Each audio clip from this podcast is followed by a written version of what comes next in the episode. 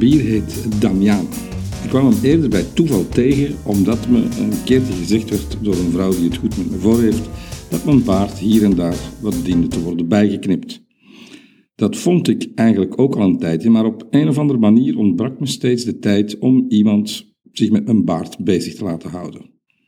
Er diende immers ook gewerkt en gemijmerd te worden over nieuwe columns, hetgeen ik bij voorkeur op een strand toe, in een chiringuito, koud biertje bij de hand, wat was erbij en dan naar de golven staren. Het is een afwijking, ik weet het, maar je leert ermee leven. Ik had al enkele keren op Google Maps gekeken of er soms een barbier in de buurt was, en dat bleek reuze mee te vallen. Binnen een straal van een kilometer kon ik kiezen uit wel twaalf barbieren, de ene al hipper dan de andere. Die keuzemogelijkheid had me gerustgesteld en vervolgens had ik er, in de lange traditie van mannen met uitstelgedrag, helemaal niks aan gedaan. Maar vorige week wandelde ik toevallig langs een barbier toen ik op weg was naar het gemeentehuis om wat papieren te regelen. Het zaakje had zo'n ouderwetse buis met blauw, wit en rode spiralen als uithangbord en dat stelde me gerust. Iemand met eerbied voor traditie, in diens handen kan je met vertrouwen je baard leggen en je keel en je halsslagaders. Want ik moet tot mijn eigen schaamte toegeven dat ik, toen ik nog in Antwerpen woonde, ook wel eens bij een barbier in de Brederode straat binnenliep.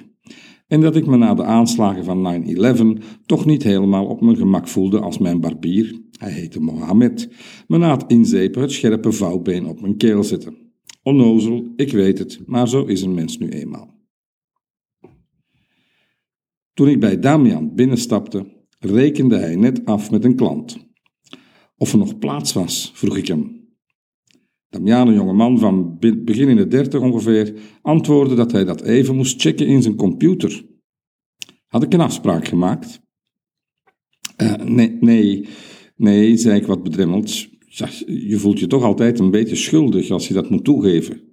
Ik heb dat ook altijd in restaurants. Heeft u gereserveerd? vraagt dan de vriendelijke meneer of mevrouw, wanneer je al zelf de ruimte aan het scannen bent voor een vrij tafeltje.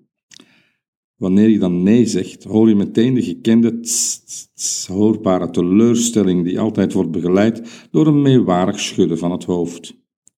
Je ziet ze dan denken, domme, domme man. Je zou beter moeten weten. Je bent hier totaal onvoorbereid aangekomen op het eten van voedsel. Je voelt je dan uiteraard de lul, omdat het gezelschap dat je hebt meegenomen je ook al zijdelings beschuldigend aankijkt.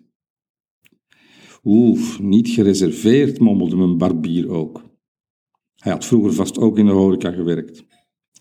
Ik heb binnen een uurtje wel een gaatje voor je. Ik betoonde de nodige dankbaarheid en toog naar mijn afspraak bij het gemeentehuis, waar het verbazend goed vooruit ging, waardoor ik een half uur later tot mijn verbazing ook alweer buiten stond. Ik besloot om alvast naar de barbier te lopen om zeker niet te laten komen. Toen ik de deur openduwde, was het zaakje helemaal leeg.